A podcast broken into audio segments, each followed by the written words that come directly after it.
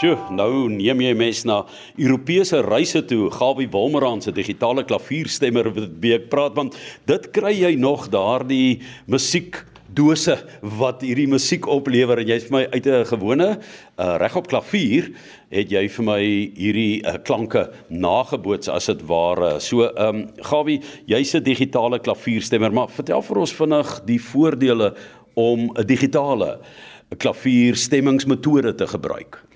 Goed, die ideaal van enige musiekinstrument as jy wil saam laat speel met almal se A op 440 Hz ingestel word. Anders dit klink dit vals.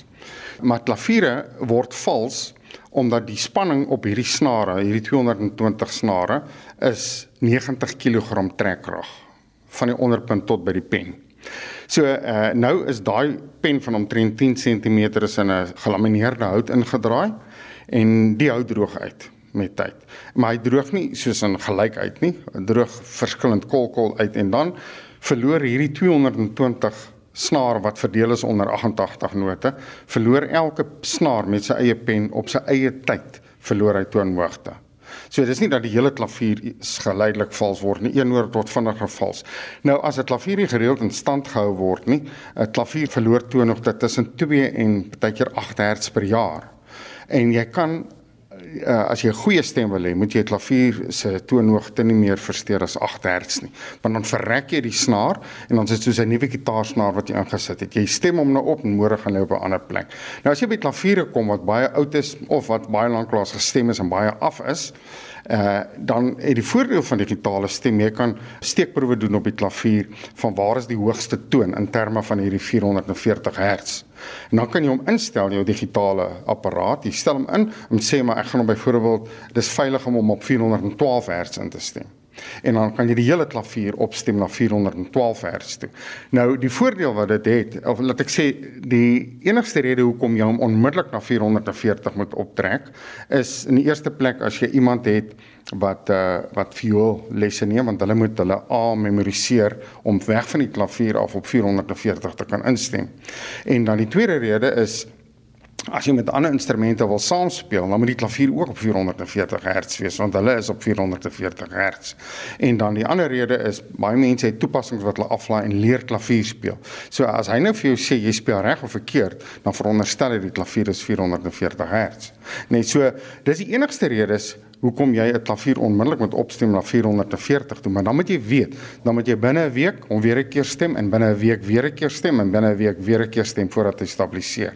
So dis goedkoper as jy nie nodig het om hom na 440 Hz op te stem nie, is dit goedkoper om om met die digitaal om hom geleidelik op te neem tot by daai vlak kom.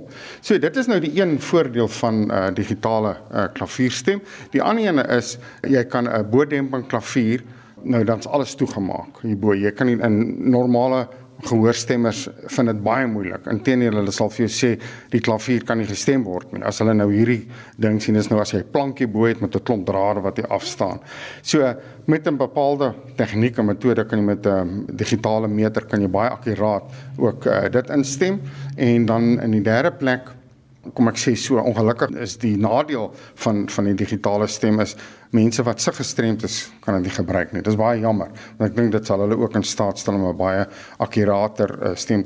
Maar miskien met wat ek vergeet het om vir jou die vorige keer te sê die manier hoe die nadele van gehoorstem uh, as jy 'n goeie gehoorstemmer is en dit is nie net ek wat dit al opgetel het nie maar dit is wêreldwyd bewys. Jou akkuraatheid wat jy het is omtrent hierdie middelste as jy van die middelsee af vat 'n kwart boontoe en 'n kwart onder toe.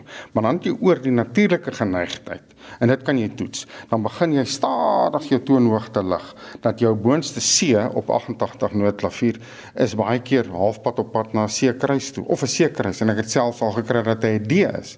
En dan volg op die, op die, op die onderkant dat jou natuurlike geneigtheid beteken dat die toonhoogte sak. Dan kom jy later dan waar dit 'n A moes gewees het, 'n A mol of 'n of 'n ander noot.